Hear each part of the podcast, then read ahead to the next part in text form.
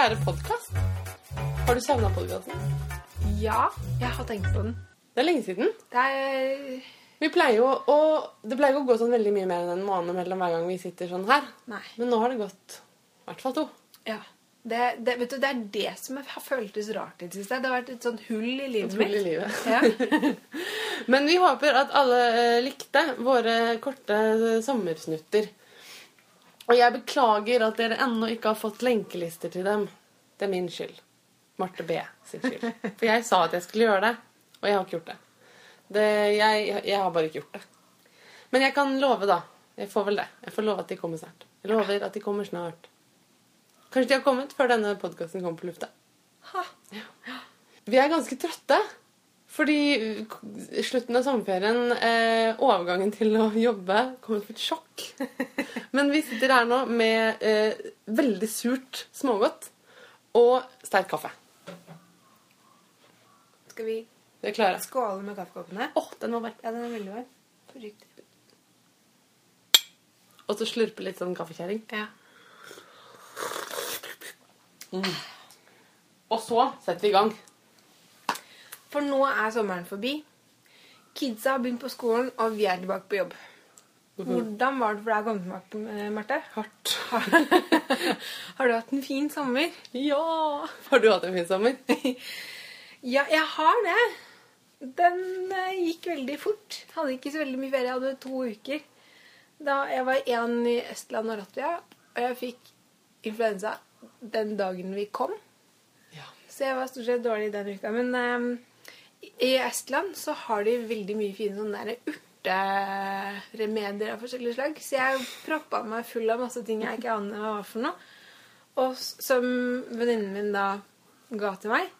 Og så fikk vi sett masse og gjort masse, og det var en veldig veldig fin tur. Jeg anbefaler Tallinn og Estland av hele mitt hjerte. Dra dit. Veldig koselig. Jeg hadde litt lenger fri enn deg. Jeg hadde fri hele juli. Det var fint. Jeg skal fortelle om det etterpå. Ja. Men det, det skal jeg også ha neste år. Det, da skal jeg ha mange Ja, men faller det. Helt uavhengig av hvor man drar. Jeg har jo også da kjøpt garn på, i sommerferien min. Helleri, som da er venninna mi fra Estland, hun eh, fortalte at i Estland så er det mye garnproduksjon. Men det er ikke så veldig mye av det som selges i vanlige butikker. Man må faktisk dra til gården som lager garnene, og kjøpe det der. Men det er jo kjempekult. Ja, det er kjempekult. Men det, det er jo ikke noen sånn butikk med åpningstider eller noen ting. Man må bare vite at den er der, og så må man ringe og høre om de er hjemme akkurat da, liksom. Eh, og jeg var veldig veldig engstelig for at jeg ikke skulle um, få oppleve dette her. Så jeg googla litt før vi dro, og så fant jeg da det stedet som heter Alpaca Farm. Høres navnet ut. Det er det man det høres ut som. Det er en eh, gård med masse alpakkaer på. Rett og slett. Kan man Eh, klappe dem? man får klappe dem. det ligger eh, rett utenfor det stedet der Hellery Helleri er fra. Som heter Perno. Som ligger helt sør-vest i landet, mot Latvia. Eh, og det som er veldig festlig, er at denne alpakkafarmen lå på et tettsted som heter Are. Som er det samme navnet som svogeren min. Så jeg tror det var meningen at vi skulle dit. Det var nok det. Ja. Em, det var det nydeligste gården du kan tenke deg. En Bølgende jorder og masse plass og små lunder og alt mulig rart. Og noen og 40 alpakkaer som rusla rundt. De var så søte, Martha. Fikk du lyst til å flytte til Estland og åpne en alpakkafarm? Eh, bo sammen med disse her, ja. Kunne bodd Og ute på kan man sove med dem? Ja. ja.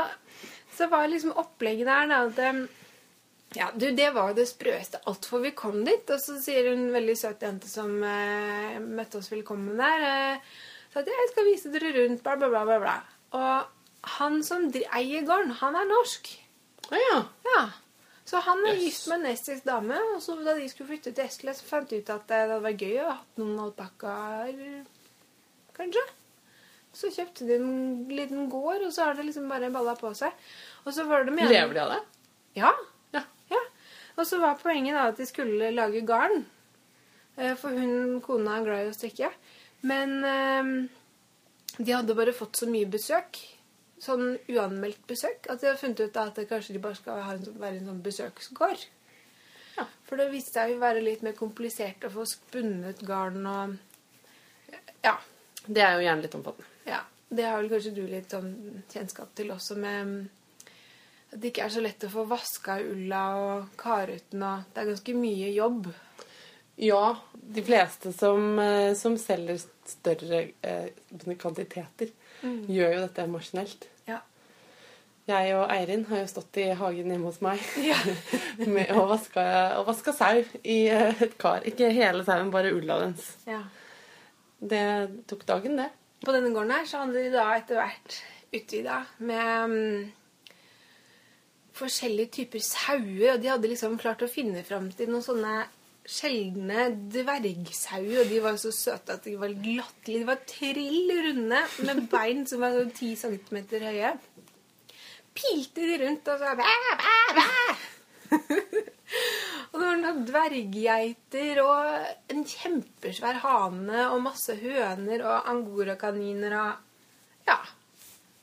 Masse gøy. Så fikk vi slått av en prat og hilst og klappet på alle dyrene. Jeg fikk holde en angorakanin, Marte. Så det er myke. Ja. Kjempe. ja. Jeg tror vi skal ha et avsnitt om angorakaniner. Kanskje det. Jeg har en kilde som Ja. jeg skal snakke litt om sen. Ja, gøy. De hadde ikke masse garn. De hadde Eller de hadde ganske mye garn, som var veldig fin, men det var dropsgarn. Oi! Og så Ja, for de hadde bestemt seg for å være en besøksgård og ikke en garnprodusent. Ja. Var så innstilt på å kjøpe garn, så jeg hadde gått og tatt ut masse penger i kontanter bare for å sikre meg. Og så kom jeg dit, og så det eneste som jeg måtte da fikk kjøpt, det var det som hun kona hadde spunnet selv. Og det var jo i og for seg mer enn hyggelig nok, det, altså. Det var eh, garn fra Alpakkaer du har klappet. fra Jeg vet ikke om jeg har klappet dem, men det står navnet på alpakkaen og Ja. Ja, og et, jeg kjøpte tre sånne bunter. Og betalte veldig mye penger for det. Men hun, altså han pekte ja, det er rocken til mormor som jeg til kona mi, og der er spinner hun garnet vårt og sånn. Det er jo noe med at man betaler mye penger for det fordi at det er innmari mye jobb. Ja, ja, ikke sant? Jeg har, jeg har kjøpt mye dyrt garn i sommer, så jeg er nødt til å si disse tingene til meg selv. Ja, men jeg tenkte liksom på jeg her, Disse pengene her kan jeg bruke til, til garn. Det er greit. Og så kan jeg få Ok, drops er noe av det rimeligere garnet, så hadde jeg kjøpt eh, 20 kroner og nøste, så hadde jeg fått innmari mange nøster. Og her fikk jeg tre bunter med litt sånn klumpete greier.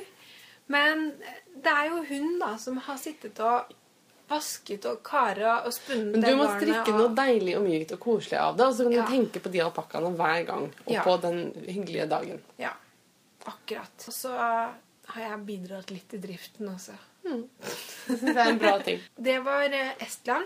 Jeg kjøpte også garn i Riga, og det er jeg også veldig entusiastisk for. Eh, Jeg hadde sett på Instagram at det var en jente Jeg tror det var hun som heter Ein kopp te, takk. Hun har skikkelig, skikkelig, skikkelig fine bilder, forresten. Hvis man er på Instagram, så burde man ta en titt. Hun skulle til Riga, så hun hadde spurt da om noen visste om det var noen bra garnbutikker. Og det var noen som hadde nevnt da at de selger fint ullgarn utenfor sentralmarkedet i Riga. Jeg foreslo da til Robbie at eh, du, vi skulle ikke eh, Du er jo glad i mathallen og sånn. Vi skulle ikke gå og se på så Det er sikkert kjempegøy å se på sentralmarkedet. Kjempegøy! Det, er, det, det tror jeg er skikkelig, skikkelig gøy. Og så kom vi dit, og Og du bare Nei! En garnbutikk! Det var jo selvfølgelig bra, men problemet var at det, sentralmarkedet i Riga det er tre gamle flyhangarer oh, ja. som de har kjøpt etter andre verdenskrig og kobla sammen. Og så er det De er fulle, og så er det et like stort område utenfor som er fulle av boder. Og de selger alt mulig rart der. De selger sånne stygge, brune strømpebukser, og de selger druer og erter og alt, liksom. Så det var ganske mye å tråle gjennom for å finne garnbua. Og fram, innen vi fant den, da var Robbie veldig ferdig med å gå der. Så jeg bare 'Nei, men det er så gøy! Vi må gå litt mer!' og så så han plutselig garnet og bare 'Barten, nå skal vi gå'.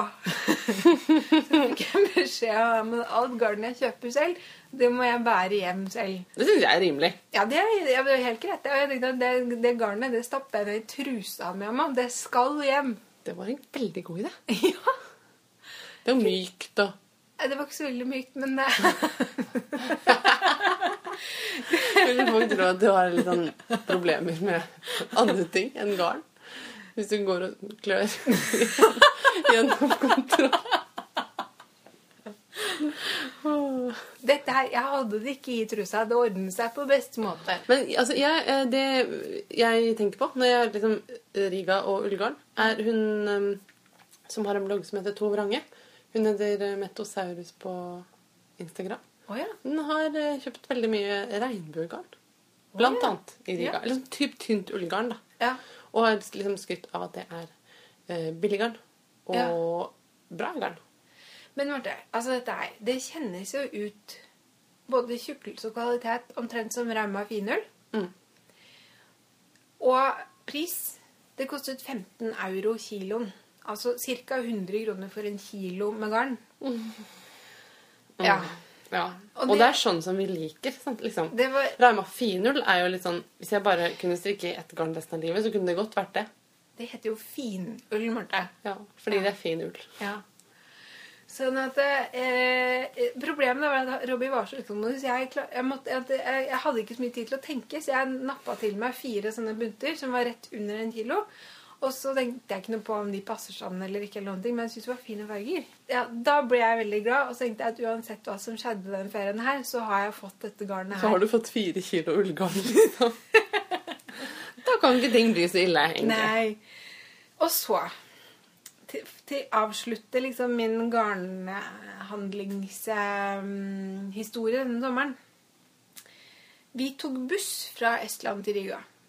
Og da vi satt og venta på bussen, så satt vi i en sånn bokhandelkafé. Og dette var faktisk helt tilfeldig. Men mens Robbie var og kjøpte kaffe, så så jeg at vi satte oss ned ved siden av strikkebokhylla. Ja. Og så er det det at estisk er jo et helt Utrolig si? fascinerende språk. Ja, det var en diplomatisk måte å si det på. De har Altså, vanvittig mye kasus. ja, de har sånn 40 gasshus minst. Jeg bodde jo sammen med Ronja. Fine Ronja. Ja. Og Ronja hadde estisk dilla i en periode. Jeg vet ikke om det kan hende hun har det ennå. Vi har ikke snakket med henne om estisk på veldig lenge. Men hun pleide å liksom snakke estisk med seg selv, som er fint. Og hun uh, lærte meg litt om estisk. Mye av det har jeg glemt nå, men det var mye kasus. Ja, men altså, det heller jeg har forklart, er at det, de har ikke preposisjoner. Så når du skal si at boka ligger på bordet, Så er det en bøyningshendelse isteden. så er det bordet som endres. Mm. At bordet blir Ja, bokholder et eller annet, altså Eller eh, da har du et ord for bokholderbordet istedenfor bare bordet. Nei, det er fortsatt bord, men så putter man på tre andre ord i samme ordet. Ja, det, som sånn at det betyr, at det. at eh, det er eh, bordet som boka ligger på. Ja. Mm. Men det er, det er heller sier at hun syns det er noen ganger når hun blir sliten og trøtt, så er det veldig vanskelig å, å snakke engelsk og norsk, f.eks. For eksempel, fordi at det, det er ikke samme måten å tenke på. Mm. Du må tenke språk på en helt annen måte. Det er veldig synes. Det høres jo ut som en blanding av finsk og samisk, spør du meg. Jeg tror vel det er i slekt med i slekt med finsk. Ja, ja, ja. det De, de kan forstå hverandre. Ja, selvfølgelig. Det kan de jo. De, Mm. Men de er ikke så nære som norsk og svensk, f.eks. Nei. Men, eh, men ja, i hvert fall de strikkebøkene. Det var mye som eh, blei litt sånn uaktuelt å kjøpe med i og med at man ikke kan le skjønner Man skjønner faktisk ikke ett ord av hva som står der. Men så fant jeg en helt fantastisk bok. Den, den ser litt sånn der Nå ser jeg den for første gang, Ja, den ser litt dau ut utenpå. Det, det er ikke den mest tiltalende forsiden. og her står det Esti laba kindad ilma lande layali. Ja. Vet ikke hva det betyr, men jeg tror labakindad kanskje har noe med votter å gjøre. Det kan hende. Får jeg se? Ja. Eh, det, nå Oi, har nå jeg, slo jeg opp en side, en side hvor det var bare skrift. ja. Da tenker jeg liksom Ja. Eh, det Aha! Ja. Den er på engelsk også! Ja! Også, Genialt! Jeg, ja, det så ikke jeg før etter at jeg hadde kjøpt og betalt den. Så da ble jeg jo ekstra glad. at det jeg fikk med meg, er at dette her er en katalog over tradisjonelle estiske votter med diagram for det mønsteret som er Å, på. fytte rakkeren for noen fine diagram. Ja. Å, som er gøy! Og det som er enda mer dette, Jeg satt i to timer, nei tre timer for bussen var forsinka, til Riga. Og så, sånn som Marte holder på nå, bare til Robbie, da. Da viser jeg på den her! Se på den. Mm. Og det som er så fantastisk, det er da at det er en dame i Estland, som nå er en tror jeg, gammel dame, som har i mange, mange, altså flere tiår samla opp mønstre, fordi at de har et sånn eh, museum i Estland. Å, det var fint. Ja. Det er helt nydelig. Altså, Estland har jo en fantastisk vottetradisjon. Ja. Men det er sjelden man får se liksom, den rikdommen sånn samla i en bok sånn som dette. Den var knallfin, ass. Ja, og det hun har gjort, er at de Folk fra hele landet har levert inn gamle votter, biter av gamle votter, og så har det blitt katalogisert. Og så har hun da hatt det som sitt livsprosjekt å få strikket opp igjen i eh, fulle versjoner alle vottene. Jeg skulle ønske jeg hadde sånn, en rik onkel som bare ville betale meg for å ha et sånt livsprosjekt. Og så har hun da gitt ut det her i flere omganger, og nå til slutt så har hun gitt ut en bok med over to, jeg tror det er over 200 forskjellige mønstre, og det er den som Marte nå sitter og blar i. Og Og jeg- Ja, har da satt lapper på alle vottene jeg realistisk sett tenker at jeg burde strikke. Er det det de lappene er? Skal vi se 1, 2, 3, 4, 5, 6, 7, 8, 9, 10, 11, 12, 13, 14, 15, 16, 17, 18, 19, 20, 21, 22, 23, 24, 25, 26, 27, 28, 29. 29 vottepar. Du håper på en kald vinter. Men jeg skjønner hva du mener. Ja, men det er bare at jeg satt der, ok, jeg må prøve å Jeg har både gule og grønne lapper, så grønne lapper er de jeg absolutt må strikke, og de gule er de som Det er flest grønne. Det er ganske mange jeg ikke har satt lapp på, da. Det, det skal du ha. Fordi det er veldig mange votter i denne boka. Så ja, det, den og rigangerne, det var eh, 175 pictures står det her. ja, det er, ja. Og da er det jo um, Da er jo ikke en, en skarve 29 så mye. Nei, det er jo ikke det. Nei. Nei. Sånn at um, Jeg liker jo egentlig ikke å strikke votter. Jeg syns det er noe træl. Alle pinnene og alt mønsteret, og det her er jo liksom det, er, altså, det har jeg glemt å si, da, men mønsteret Det ser for deg selvbegått typ. Det er samme formen på vottene, stort sett, men mønsteret er, varierer liksom fra ganske sånn blomstrende motiv til veldig geometriske motiv. Og så er det innom sånn åttebladsroser og noe tilsvarende da på veien. Men det er litt andre farger.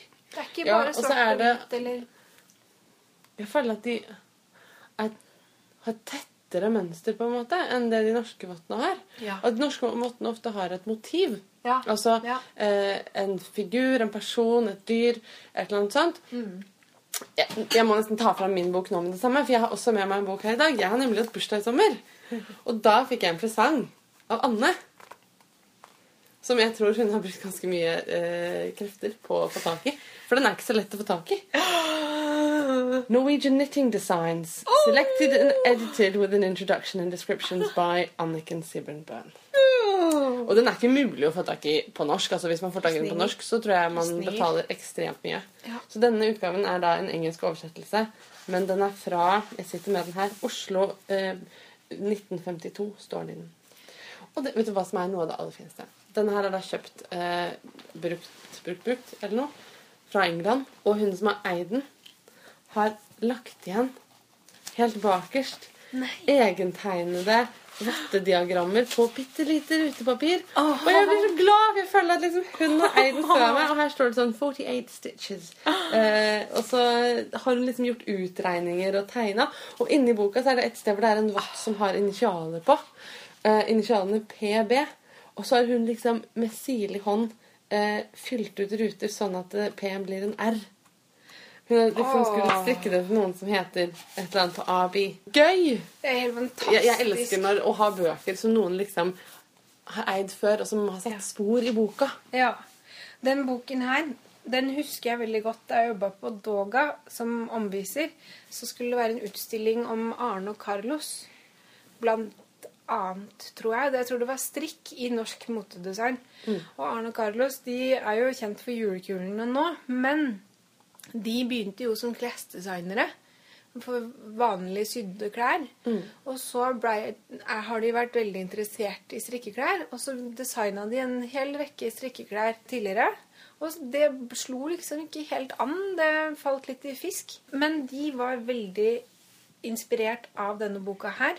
Og da husker jeg at hun kuratoren for utstillingen hun hadde tatt med sin private kopi som lå i en låst glassmonter. Fordi at den Men, var ganske den lå jo. Da vi var på Folkemuseet i sommer, så lå den jo der. Ja. I den strikkeutstillingen som var der. Ja. Da lå, I norsk utgave, da. ja. Tror jeg. I hvert fall. Nå ja, ja. husker jeg plutselig ikke. Men ja. Den, det er, den er vel jeg, jeg hadde ikke hørt om den før da, men jeg har skjønt at det er jo norsk strikkehistorie har Ja. blitt historie i seg selv. Og det er, her er det en blanding av fotografier og diagrammer. Men jeg tenkte, hvis vi ser på noen av vottene her, Nå var det strømpe, lue Oi, Det er nisselue. Ja. Å, det var fint. Oi, oi, oi. Men se, det her Her er det en sånn Ranke, liksom. Med tre blader. Som, Ja. også, men jeg tenkte på For det er noen sånne votter her som har et reinsdyr på seg, eller noe sånt. ja. Og da tenkte jeg på forskjellen mellom de estiske og de norske vottemønstrene. Um, eller se på den her, da. Den har en sånn åttebladsrose midt på. Ja. Og så sånne ranker ut derfra. Og så har den en mindre rose øverst og under. Og, men det er mye hvitt. ja, den er Skjønner? jo hovedsakelig hvit, den der. Altså, jeg føler ofte at de eh, norske vottene har en båndfarge, og så har de et motiv oppå, men det er ganske mye av båndfargen. Men når jeg blar i den estiske boka, så er det veldig mye sånn eh, mønstre hvor du kan på en måte velge hva du vil se som bunnfargen, nesten. Ja. Altså, nå blar jeg her, og her er det noe som ser litt ut som snøfnugg, kanskje. Som er eh, Det dekker hele votten fra fingertuppen til mansjetten. Ja, og helt repetativt, ikke sant? Ja. Ikke sånn uh, denne våten har, har et motiv, mer sånn Nei. denne våten har et mønster. Ja, nettopp. Men selve mønstrene er jo veldig ah, Mer sånn, De minner meg litt om sånn som norske votter er i håndflata. Ja, ja, ja. repetitive, bare at de er mye mer snirklete og intrikate, disse estiske. noen av dem i hvert fall. Jeg vil si at det er noen helt klare likhetstrekk mellom de norske vottene og de estiske vottene. Absolutt. Det er liksom kusiner. Mhm. Og det jeg også har tenkt, da At om jeg ikke strikker votter alt dette her, så er det jo diagrammer av disse nydelige mønstrene. Så hvis man plutselig skulle få behov for noe mønster på en genser eller hva som helst, Så kan man jo bare bruke det. så har man et leksin, et oppslagsverk, faktisk. Ja. Helt fantastisk.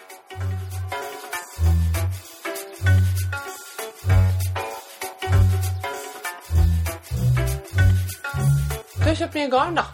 Med andre ord. Men har du strikka noe i sommer? Ja, jeg har det. Jeg, jeg begynte sommeren med en sånn um, rasende appetitt. Så jeg strikka aller først faktisk den eh, lang dott... Nei, jeg blander alltid der. Fussy dottejakke fra Pickles. Mm. Eh, I svart, med svarte dotter. Eh, og den strikkes på pinne sju, og det var jo Det er ikke dødsgøy å strikke i svart garn. Eh, og det er ikke nei. dødsgøy å strikke dotter på en jakke som er oversized og veldig lang. Men eh, Herregud. Ja, men jeg, jeg merka det liksom ikke. Den bare fløy over. Og den ble dødsfin. Den ble Ja. kjempe, kjempefin. Takk. Den, eh, jeg, men da da ble ferdig med den, så var det sånn Ja, ja, da var den ferdig. Jeg hadde gleda meg til å strikke den kjempelenge og hatt garnet liggende lenge og liksom venta på riktig øyeblikk til at jeg skulle kose meg med den. Og så var den ferdig, og så var jeg litt sånn Ja, ja, da var det gjort. Men jeg har brukt den masse, for den er en lang, svart jakke, og det Utrolig anvendelig. Det er jo litt, ofte litt sånn at de tingene som er mest anvendelige, det er de tingene som er døllest å strikke. Men ja. Og så er det Jeg er fan av Big Fuzz. Jeg er, veldig fan av Big Fuzz fordi at det er som å ha på seg Altså, den Jeg ser at jeg Altså, det er et garn? Det er Pickles Big Fuzz, ja. Som er det garnet brukt i oppskriften, og som jeg også brukte nå. Det er eh, merino Nei, det er det ikke. Det er mohairgarn. Hovedsakelig mohairgarn. Så det er sånn tjukt og fluffy à la 80-tallet. Så jeg har jo For alle som Nei, 90-tallet er det kanskje mer. Det var veldig moderne på 90-tallet. Eh, gjerne rosa og med skulderputer. Både mamma og tanten min strikka mye av det. Både til seg selv og oss barna. Herlig. Så jeg får litt assosiasjoner til det, men på den annen side, det er så nydelig å ha på seg. Det er så varmt og deilig, men luftig og mykt. Og, og så, da jeg var ferdig med den, da strikka jeg rosaskygenser, også fra Pickles. Eh, det er dobbelt tråd silk mohair som holder sammen. Og jeg strikka min i sånn turkisgrønn et eller annet. Og det er også en sånn helt enkel, glattstrikka raglangenser som heller ikke er noe sånn å hoppe i taket for akkurat. Men den har jeg brukt i hele sommer. Helt fantastisk å ha på seg. Veldig lett og myk og passe varm og nydelig. Men hva skjedde så? Så, vet du, så kom Gjertrud. Gjertrud-koftan. Ja, den er Ja. kjempefin. Da, var det, da tror jeg det gikk liksom noen sikringer opp i hjernen her. Fordi at jeg, jeg strikka ut hele spinnegarnet, som er da Ja, gud, jeg har ikke sett den ferdig. Jeg må se Ja. den etterpå. Ja, ja. Vi tar den når jeg er ferdig. Men jeg har ikke strikka i mitt ennå. Det ligger Nei. fortsatt der. Men det, det kommer nå snart. Det var så latterlig deilig å strikke med. Gøy! Og det er liksom blankt og mykt og litt sånn fettete og lukter geit og bare åh, Alt man kan ønske seg. Litt sånn fettete og lukter jeg. ja. Alt man kan ønske seg. Ja. Og jeg hadde, det hadde litt sånn trang fødsel, den jakka. Jeg måtte begynne tre ganger, for jeg klarte ikke å konsentrere meg nok til jeg skulle strikke det der sikksakk-mønsteret på forstykkene. Mm. Rota det til. Eh, Men da jeg fikk det inn, så gikk det veldig bra. Å, herregud, Marte. Det er poffarmer på den. Nomming. Ja, men altså bare Nei, men du vet hva, Jeg har sett så utrolig mange fine hjerteruder. Eller vil si, de hjerterudene jeg har sett, har vært så utrolig fine. Ja. Jeg, da, jeg var ferdig Jeg strikka på den mens jeg var på tur, og så var jeg ferdig med den omtrent rett etter at jeg kom hjem. Og jeg har brukt den helt sinnssykt mye. Den er, bare, den er så deilig, og den er veldig varm, faktisk. Det er tynt garn, veldig varmt. Men du har likevel klart å bruke den, selv om det har vært sommer. Jeg vet ikke om du la merke til det, men eh, Det kan kanskje være litt sånn Det har hatt en tendens til å bruke ullplaggene mine uansett denne sommeren her. ja, det har jo vært en litt, litt kjølig sommer. Hører jeg folk si, i hvert fall. Jeg, jeg klager ikke. Nei, det, jeg har ikke syntes det hadde vært ubehagelig, men det har vært sånn at jeg ikke har Sånn som nå, for eksempel, så er jeg for varm nå. Og i dag har jeg ikke orka. Nei, men i dag er det møkkavarmt. Ja. I dag er det 25 varmegrader i Oslo. Ja. Så Men tidligere i sommer så har det vært sånn 16-20. Og da er det greit å ha noe utenpå. Men i hvert fall, jeg ble veldig gira av den, og det er veldig, veldig fornøyd. Og så tenkte jeg at her, vi kan ikke stoppe her. Så jeg begynte å strikke en knallgul topp i det ene garnet fra Riga. Ja. Mm, ja, Da brukte jeg hjerterud som mønster, men jeg ville ha en topp og ikke jakke. Så jeg snudde det bak fram, og så strikka jeg sånn splitt bak, så jeg ikke fikk plass til hodet, for jeg ville ha det tettere i halsen. Og så mm, eh, Ja.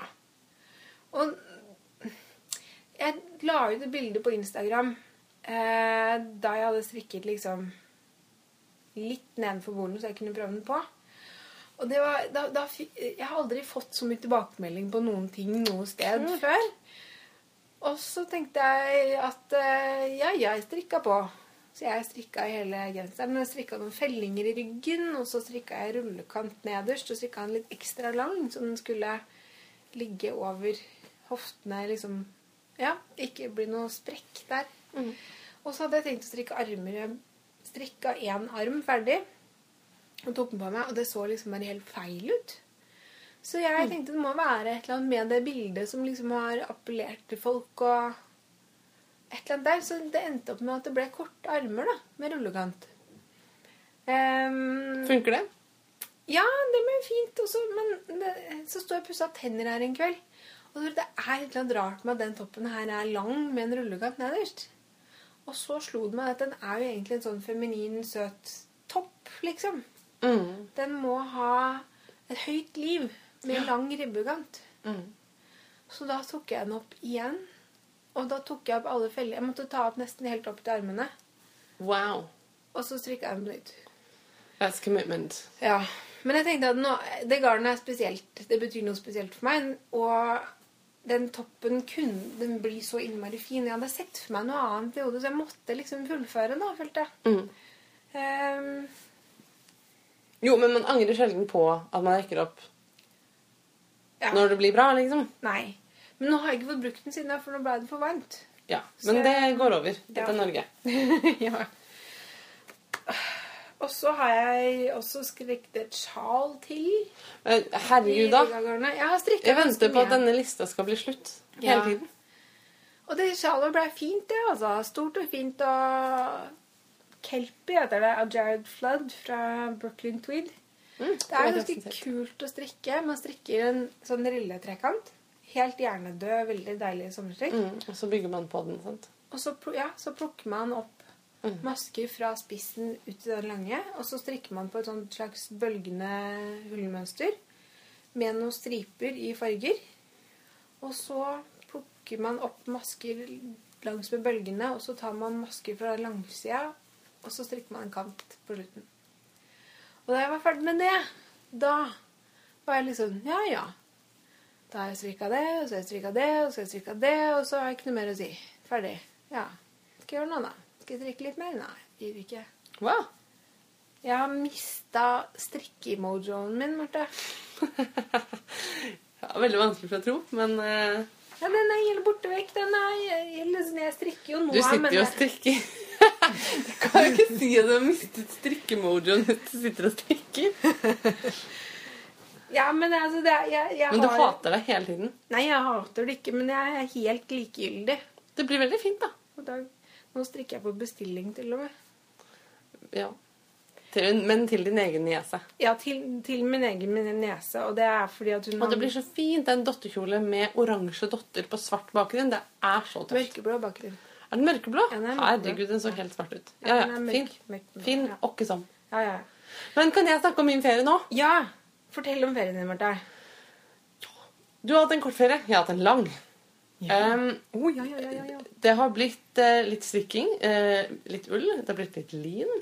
Herregud, for en garnsommer. Jeg, altså, jeg har nesten ikke tenkt på noe annet enn garn i hele juli. Kanskje litt på bade og på å sove lur i hengekøye. Vi, altså min familie og jeg, har vært hele sommeren nesten hjemme hos eh, mine foreldre, som bor utenfor Fredrikstad. Så jeg har sittet veldig mye i hagen der med en kaffekopp med barna i et plaskebasseng. Eller også nede ved sjøen. Ofte i sjøen. Med barna gravende i sand. Du har sittet i sjøen, eller barna har sittet i sjøen? Mest jeg, Ja. egentlig. Særlig det ene barnet syns at det er litt kaldt. Men jeg, synes, jeg er sånn som bader etter kalenderen, ikke etter temperaturen. ja. Hvis det er juni, så når det har blitt juni, på en måte, så slutter jeg å forholde meg til badetemperaturen. Da bader jeg bare. Det er veldig fornuftig. Jeg syns det er et greit prinsipp, da. Um, men uh, det vært veldig veldig deilig og, og avslappende. Altså. Men vi har vært litt på farten også. Jeg har nemlig vært på Ørland. Ørland er en lang øy som ligger helt på andre siden av Sør-Sverige, rett utenfor Kalmar. Vi kjørte bil. Det var langt. Men det var ikke så ille likevel. Mine barn overrasker meg ofte med sin positivitet og evne til å omstille seg. Men eh, det var verdt en lang kjøretur. For det første så fikk jeg strikka hele bolen på min herrestørrelse Marius-genser på veien. Så da er det noen timer i bil. Eh, men det var jo helt perfekt. For det andre så var Ørland bare helt fantastisk. Altså, for en nydelig, nydelig øy. Vi hadde leid et lite hus. Eller egentlig var det to hus med en helt gigantisk hage. Som bare var helt sånn at man kunne stå opp om morgenen, og så var man i hagen. Og så var det roser og lavendel overalt. Og bare lukta markblomster og send. Og fuglene kvitra, og fluene surra, og det var en sånn Hva heter sånn benk som dingler? Uansett, det var en Å ja, sånn. sånn Det var en sånn i Huskestue, hagen. si. Ja, det var en huskestue i hagen. Og bor ute, og vi spiste ute, og vi spiste frokost i fire timer, skjønner du. Og bare Åh, så hyggelig! For vi leide eh, dette huset, eh, disse husene, eh, sammen med Lisa og Sara. Og Lisa bor i Göteborg, men vi, jeg og Anne og barna, vi regner henne egentlig som en del av vår familie. Hun hadde med seg sin nystrikkete og helt vidunderlige Brolly. Brolly er et sjal som har vært i pom-pom. ja. Ja, ja, ja. Og det er designet av Maria Magnussen. Det er stripete. Hun har strikka det i Ja, ja, ja, sånn, det. sånn Supersoft, som er det samme som Holst Supersoft, men det er magasin Duess sitt. Å, det var så fint! Og så deilig! Og det var så tynt og lett og mykt og nydelig. Og jeg hadde glemt å ta med meg sjal på sommerferie. Så jeg satt hele den uka og kasta sånn lange blikk på Lisa sin Brolly. Eh, og Sara eh, hun bor utenfor Bergen, og hun har både høner, sau og angorakaniner. Og hun driver og lærer å spinne av ei som kan det helt på ekte. Og jeg er veldig misunnelig på det. Så hun, når jeg, vi var på besøk hos henne eh, tidligere i år, så fikk jeg stikke liksom, hendene ned i en boks full av angorakaninpels. det var mykt. Nå ser Marte helt sånn Salig ut. Ja. Uh, jeg, så jeg tenkte kanskje jeg skulle snakke litt med henne om angora og lære litt om det. Så vi kan snakke om det en gang. Men tilbake til Ørland. Um, på Ørland er det sånn, fantastiske ting skjer, som f.eks. at uh, man er ute og kjører, og så kommer man til et sted med mange vindmøller, fordi det er vindmøller absolutt overalt på Ørland, og så sier treåringen 'Jeg vil se vindmøllen!' Og så stopper man bilen for at han skal få se vindmøllen, og så er det et lite hus ved siden av veien med et lite svensklogg, og så går man bare bort dit fordi man er ute og lurer på hva det er der, og så står det 'Linbasta' på veggen. Og så er det et sånt lite hus hvor det sitter en dame som kan alt om lin, og kan fortelle deg alt om lin og vise deg hva en linbasta er. Det er et sted hvor man preparerte lin i gamle dager. Og så Der utenfor vokste det et lite bed med linplanter, så man kunne se på dem. Og så kunne man følge gjennom det, den bitte, bitte lille hytta så kunne man følge liksom linets vei eh, fra plante til fiber. Og det siste man kjente på, var sånne dusker som kjentes nesten ut som hår. De var så myke. Um, og det var kjempespennende. Og jeg har tatt masse bilder og notert på en gal, sånn at Ja. jeg, vi kan snakke om det en annen gang. liksom. ja. For det var veldig stilig å se. Og bare lære om hvor mye man brukte lin til før i tiden. Så fantastisk. Sånn er det på Ørland. Jeg, jeg har strikka mye på Ørland også. Jeg, jeg gidder ikke å snakke så mye om det, for det var litt sånn uinspirerende sommerstrikking. Men det var koselig. Jeg strikka en grønn jakke med sauer på til min datter. Eh, Jeg fant den på sjøl. Jeg strikka et par grå rangsokker, som kanskje er til meg selv. Jeg fant på de også. Eh, Men jeg hadde to helt fantastiske garnopplevelser på Ørland. Et besøk hos Karin Øberg og et besøk på Ullsentrum. I eh, Løttorp på Ørland ligger nemlig eh, en liten fabrikkbutikk som heter Ullsentrum. Og den ser veldig litt spennende ut fra veien, men så går man inn og bare åh, da-da! Eller mer sånn! Englesang. Ørland Ullsentrum, det de gjør, er at de, eh, de er litt sånn øko-eko-miljøfolk som samler inn garn fra små sauebønder i hele Sør-Sverige og spinner fantastisk garn av det. Det er et lite spinneri, rett og slett. Oi, oi, oi. Og de lager ting av, uh, av ull, både strikka plagg Altså du kan kjøpe fantastiske ullgensere der, og sånn sokker, luer, votter, småplagg, liksom. Men bare en del av de ullgenserne, bl.a. Ørlandsgenseren, og masse fantastiske sjal som bare var helt nydelige. Også en del sånne andre ting, Tova-ting. Uh, Gryteunderlag, tøfler, mobilfutteral, ditten og datten. Um, og så lager de limplagg. Så utrolig mye fine limplagg. Og de selger garn. Mest ullgarn. Men også lin ull blandingsgarn. Jeg gikk ikke helt amok, tro det eller ei. Fire hesper Nei. tok jeg med meg. Yes. Jeg har blitt veldig streng med meg selv. Jeg er opptatt av at jeg skal kjøpe lokalt garn når jeg er steder hvor det selges og lages garn. Men at jeg ikke skal på en måte kjøpe masse garn uten å ha en tanke bak det. Men to av de hespene jeg kjøpte, de er totrådsgarn. En er liksom brunmelert, og en er gråmelert. Og jeg har ingen plan for dem. Men de fikk bli med fordi de passer sammen med en masse garn jeg har hjemme fra før. Jeg har veldig veldig mye totrådsgarn i den tykkelsen. Tenk typ PT2. Jeg føler at jeg har sagt dette før. Men i hvert fall, eh, jeg får brukt dem i en eller annen sammenheng.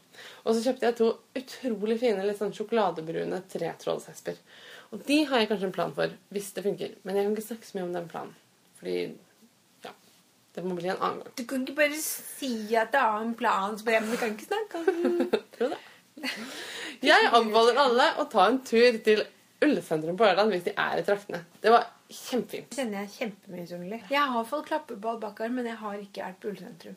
Det var ingen sauer der på Ullesentrum. Nei. Men det var mye fint garn. Og, og sånn garn som vi liker. sant? Ja, ja, ja, sånn. Tynt ullgarn. Typ.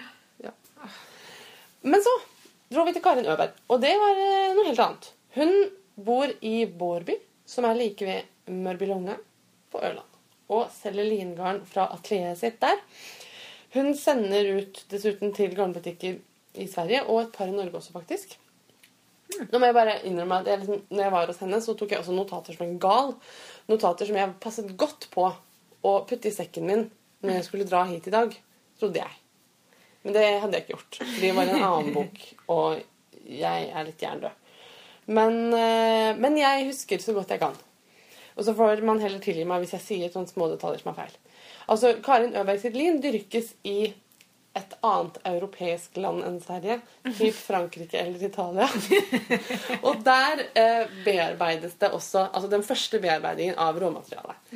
Men etter det så gjøres alt arbeidet med linet for at det skal bli garn i Sverige. Det spinnes og farges i Sverige på en fabrikk som har produsert garn siden typ 1800-tallet. Eh, og Karin Øyberg er en veldig veldig kul dame, og bare helt utrolig hyggelig. Jeg, det er litt sånn at man ringer henne ikke sant, og sier Er du hjemme, jeg har lyst til å komme og se på garnet ditt. Eh, og så føler man litt sånn at man bare Hei, jeg heter Marte, jeg vil komme og se på garnet ditt. Og så at det er litt rart. Og så er hun bare så utrolig hyggelig. Jeg føler Hei, vil du være med hjem og se på garden min? Sånn. Nei, men også kom jeg der, ikke sant, med to unger og bikkjer i bilen, bjeffa og liksom hei og hå. Og vi var, eh, vi var jo tre liksom garnshoppende damer og kona mi som spratt rundt og tok bilder hele tiden. Så jeg føler at vi var liksom en da. Men hun var utrolig, utrolig søt. Hvor gammel er hun egentlig? Man skal ikke spørre om en dames alder.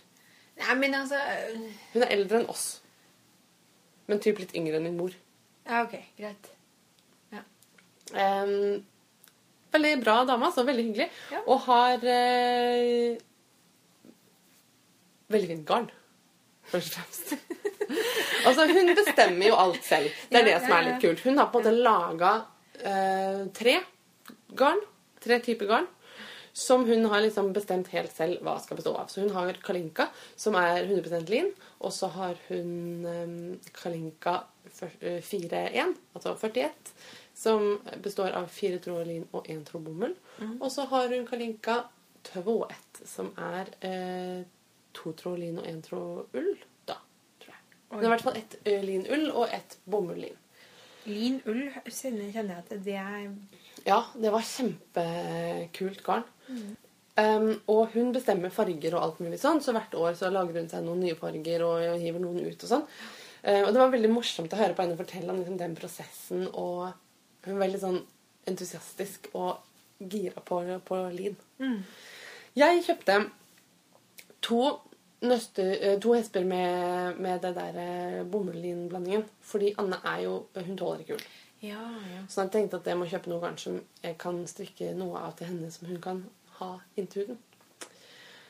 Og så kjøpte jeg to mørkeblå og en petroleumsblå hespe med 100% lin. Jeg var litt sånn Skal jeg kjøpe ull-lin? tenkte jeg nei, pokker heller. Når jeg skal strikke lin, så får jeg strikke lin, da. Eh, Jeg har forbannet den tanken et par ganger. Men eh, altså, den petroleumsblå fargen, den er helt usannsynlig nydelig. Det må jeg bare si. Eh, Jeg skal strikke en Var det den du T-skjorte. viste bilde av? Som er sånn skikkelig intens Mm. petroleumsblå? Ja, den er he- helt sånn knall. Ja. Jeg skal strikke en T-skjorte, og den skal være formet omtrent som et rektangel. Og den er stripete med et slags strukturmønster i hele stoffet av liksom daisy stitches, hvis det sier noe, noe, som er spredd utover. Um, hvis noen har sett det sjalet som heter And So Are You, så er det sånn lignende strukturkonsept. Men jeg har altså funnet opp dette selv. Men jeg har lagt opp og strikka begynnelsen tre ganger. Oi! Uh, Så I feel your pain med opprekkingen din. Fader ullan, altså. Men Det er bare til pass for meg som ikke gidder å strikke en ordentlig prøvelapp. Bortsett fra denne gangen strikka jeg faktisk prøvelapp. Det er bare det etterpå så la jeg opp på en annen pinnestørrelse og gjetta. Men nå blir det bra, tror jeg. Altså det som jeg oppdaget da, var Vi hadde tenkt å liksom ha en annen fasong enn bare et rektangel. Men så oppdaga jeg at altså nå snakker jeg bare på vegne av meg selv. Når jeg strikker i lin, så syns alt. Altså fellinger og økninger. Det, jeg fikk det ikke til å bli pent. Det blir liksom hull. Og særlig når jeg prøver å strikke striper samtidig. Det ble liksom eh, Nei. Det funka ikke. Så jeg måtte gå for en veldig enkel form, sånn at jeg kan bare strikke rundt og rundt uten å få liksom, for mye blædi-blæ. Men det er übertynt garn. Det er pinne 2,5. Ja. Så det går sakte. Men eh, det blir jo sånn vinter neste år òg. Altså, et, en lin-T-skjorte er jo ikke sånn veldig høst-vinterplagg. Ja, Jo, for den kan man ha under en ulljakke. det kan man. Mm, det er sant. Men det, det var min garnsommer, sånn nesten. For det er én ting til. Jeg har fått meg rock. Det vil si, den har vært der hele tiden. Min bestemors gamle rock, som ble laga til henne da hun begynte på husmorskole, den har kommet hjem til meg. Altså, Det er mamma sin rock nå, men hun var enig i at den sikkert er lykkeligere hos meg hvis jeg spinner på den. Jeg har vært veldig skeptisk til den rocken før. altså Den er veldig veldig fin, men den er jo veldig gammel, og den har blitt spunnet mye på. Så den knirker og slingrer og går, liksom. Og mamma forteller at i hele hennes barndom så kom hennes bestemor, altså min oldemor, til dem hver høst og spant garnet for det året, liksom. Både av ull og av all den pelsen som de hadde gredd av sin langhåra collie i løpet av året. Så det, det sparte de på, og ble sokkegarn. Mamma pleide å bli sånn eh, ivrig besnust på føttene av eh, hundene til folk hun var på besøk hos og sånt. Hun hadde liksom hundesokker. Men altså, trass i at den rocken knirker litt og mangler noen småting her og der, litt sånn, den mangler noen sånn kroker og eh, litt sånt, så klarer jeg å spinne på den.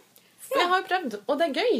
Så jeg tenkte at jeg skulle gi den litt sånn ekstra tida si, og jeg mangler eh, litt noen spoler. Jeg må få tak i noen spoler som passer, sånn at jeg kan spinne mer enn én spole med ull, sånn at jeg kan tvinne. Ja. Um, og så mangler jeg noen veldig, veldig små metallkroker. Hvis noen vet hvor jeg kan få tak i veldig, veldig små metallkroker, så si fra. ja, men du, hobbybutikker. Ja, jeg vet Sånn, det. Jeg har jo eh, jobba på en. Jeg må Nei, men sånn eh, modell... Eh, Ja, jeg skjønner Pappa det. skulle nemlig bygge en sånn eh, liten seilbåt. Og han har veldig små kroker til seilene på den modellseilbåten. Kult. De var bitte små, de er kanskje til og med for små. Nei, jeg skal forske litt, i hvert fall.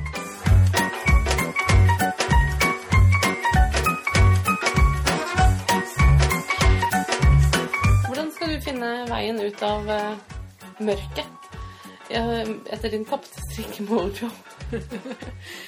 Vet du hva? Jeg tror at min vei ut av mørket, det er å gå inn i mørket. Jeg kjenner nå an Da jeg satt og skulle forberede meg nå, så, og skulle finne fram eh, linkene til eh, noen av disse tingene jeg snakket om, så eh, kom jeg over eh, et sjal som heter Mrs. Watson. Som er laget av Martina Behm for Berocco. Italiensk sånn, både garnprodusent og Men jeg vet hvem hun er. Hun lager fine ting. Ja. Det mønsteret det har jeg sett noen ganger på Instagram. Det ser litt ut som uh, sebramønster. Du ja. ser for deg liksom ryggen på en sebra der de stripene møtes. Litt. Jeg tror egentlig det ikke er sebra, men mer sånn bra-mønster. Men det er i hvert fall veldig, veldig kult.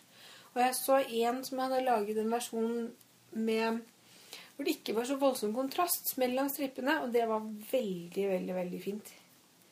Og så tenker jeg at når, man, når jeg strikka liksom veldig kjappe, veldig enkle ting, så kanskje rett og slett motgiften er at jeg strikker noe som er veldig vanskelig. Mm. Og jeg har da sett ut meg ut den Hva med en estisk vott, tenker jeg. litt sånn. Nei, ikke så vanskelig. jeg har sett meg inn, skjønner du. Den ene nye genseren i nyeste Pompom-bladet. Den grønne Maud av Karin Fleischmann. Mhm. Jeg har litt sånn crush på hun modellen på bildet. og Har sånn rødt, krøllete hår. Hun ser ut som en alv. Og så har hun på sånn knallgrønn genser med masse kabler og tjo og hei. Den er bare kjempenydelig. Så tenker jeg, den tror jeg er eh, min billett ut av Mojo. Altså ut av mørket og inn i høstmørket. ja, nettopp. Så du gleder deg rett og slett til høsten? Ja. Men det er noe med den der liksom klare høstlufta. Ja. Skolestart er og stemning og åh. Jeg, altså, jeg er et sommerbarn, og jeg elsker sommeren. Ja, og jeg, ja, ja, ja. virkelig. Men uh, for meg så har det noe med liksom hvor jeg bor også. Jeg er litt sånn som, Ja. så Hvis sommeren skal være fullstendig for meg, så må jeg være ved sjøen. Ja. Og jeg bor langt oppe i skogen. Ja. Og jeg er lykkelig langt oppe i skogen hele høsten og vinteren og våren. Men hele sommeren så lengter jeg mot havet liksom, når jeg ikke er der. Så kjenner jeg som dager som dette, Når det er 25 varmegrader, så tenker jeg liksom Hva gjør jeg her i Innlandet? Nei. Jeg vil bare ligge på et svaberg. Men jeg har jo mine foreldre, da, så jeg drar jo bare dit. Men eh, vi skal jo ikke bare mm, sitte her i Oslo hele høsten heller. Litt skal vi det, fordi at eh, det, vi, skal, vi skal strikke hele høsten, både her og både der. Jeg tenkte at vi skulle si at Katie arrangerer strikkefestival i høst. Ja. Har vi, har vi sagt før hvem Katie er? Vi har sagt at hun er eh, en bra dame. Ja. Katie er en, eh, en person som tok kontakt med oss og sa hei, jeg vil lage en strikkefestival. Og så har vi snakka litt med henne om det, og hun ville gjerne at vi skulle være med på det. Men det er under arbeid. Vi skal ikke røpe noe særlig mer nå. Vi bare nevner det litt. Men vi skal hjelpe henne, og mest med å tenke, tror jeg. Men vi skal også liksom trå til under selve arrangementet, tenkte vi. Kanskje holde en workshop. Ja. Så grunnen til at vi nevner det litt, er fordi vi tenkte kanskje at noen som hører på podkasten, har noen innspill eller tanker om hva slags workshop dere i så fall kunne tenke dere at vi kunne holde. Ja. Jeg har jo noen ideer selv, men ideer, liksom men eh, det er jo greit å man Vi er jo så demokratiske av oss, mm, så vi, vi leverer jo det folket vil ha. mm. Ålreite sånn sett. Ja. Vi skal kanskje strikke i Bergen også. Jeg tror ganske sikkert at vi skal strikke i Bergen. Det virker sånn. 2. Andre. oktober. Ja. Da er det noe som heter Ulveka. Og vi er ikke helt eh, sikre her vi sitter akkurat nå, om nøyaktig hvor det er vi skal være og sånn. Men ta og bare hold av 2. oktober, da. Så kommer vi tilbake til det. Ja, det er i, det er en fredag. Hvis du bor i Bergen omegn, så kom. Det har vært litt aktivitet på Facebook-siden vår i sommer, og det syns jeg var hyggelig. Jeg vil bare si fortsett å følge oss, like oss, skriv til oss og lenk til oss. Yes. Woohoo. Og så må jeg si en ting til. Fordi du har, nevnt, du har sagt ordet Instagram liksom, Ja. mange ganger i løpet av denne episoden. Og hver gang du gjør det, så river det i hjertet mitt. Jeg har falt av Instagram. Ikke av fri vilje, men fordi telefonen min gikk i gulvet med et knas og ble svart og krøkkelert. Og så venta jeg og venta på en forsikringsavklaring som ble veldig dratt ut av diverse grunner, som stort sett var min feil. Fordi at det var sommerferie, og jeg ikke fikk den av gårde. og bla, bla, bla. Ja. Men eh, ny smarttelefon er forhåpentligvis snart i hende. For øyeblikket så har jeg en veldig kjekk Nokia 3410. den er ikke så veldig smart. nei, den er en såkalt dum telefon. Nei da, den er innmari søt og kul. Den er fra 2002. Man kan spille Snake på den. That's about it. Den har TNIO-liste. Det eneste shit. som er knallkult Man skriver meldinger så fort. Husker du hvor fort man skrev meldinger på videregående? Ja, ja, ja. Bare så kommer meldingene bare flytende ut. Men jeg vil bare si følg meg på Instagram allikevel, for jeg kommer tilbake. Ja. Så fort jeg kan. Og jeg er innom på datamaskinen og ser og liker litt innimellom. Men det blir ikke så mye, gitt. For jeg har nemlig begynt å, å jobbe eh, Jeg har begynt å forelese på universitetet. Og da må man planlegge forelesningene sine, og så må man eh, holde forelesningene sine. Og med eh, en gang man er ferdig med å holde en forelesning, så må man søren tute meg begynne å planlegge den neste. Men jeg er veldig heldig, for jeg elsker jobben min, og det er kjempe, kjempegøy. Det hender at jeg tenker at herregud, hvordan få folk til å gjøre alle de tingene man må gjøre? Når man jobber hele dagen, og så kommer man hjem fra jobb, og så er det så mye ting som skal skje. Men- Guri malla. Ja, Jeg, jeg har litt sånn kultursjokk av at sommerferien er over. Jeg har en ting til å fortelle, helt på tampen. Okay. Jeg har gjort noe veldig kult. Nei! Ja! Eh, Jeg har designa en vaffelberet Uh. til noe som heter Besteforeldregeriljaen. Jeg skal fortelle litt om den lua som jeg har designet. Men først skal jeg fortelle litt om Besteforeldregeriljaen. Besteforeldregeriljaen er et resultat av et samarbeid mellom SOS Barnebyer og Landsforeningen for barnevernsbarn. Det er en bevegelse som frontes av El Rygg, annet, fra Portveien 2. Og Willy Toremørk og Magne Raundalen. Og det de sier, da, er at det er noe spesielt med dagens besteforeldregenerasjon. Fordi for første gang på 150 år tenker de at barnebarna kanskje får et vanskeligere liv enn det de har hatt selv. Og Derfor har de formulert fem løfter fra besteforeldregeriljaen til da den oppvoksende generasjon. Og de er du skal få hjelp når du trenger det. Du skal ha voksne som tar vare på deg. Du skal få vokse opp sammen med søsknene dine. Du skal ha like muligheter til å lykkes på skolen.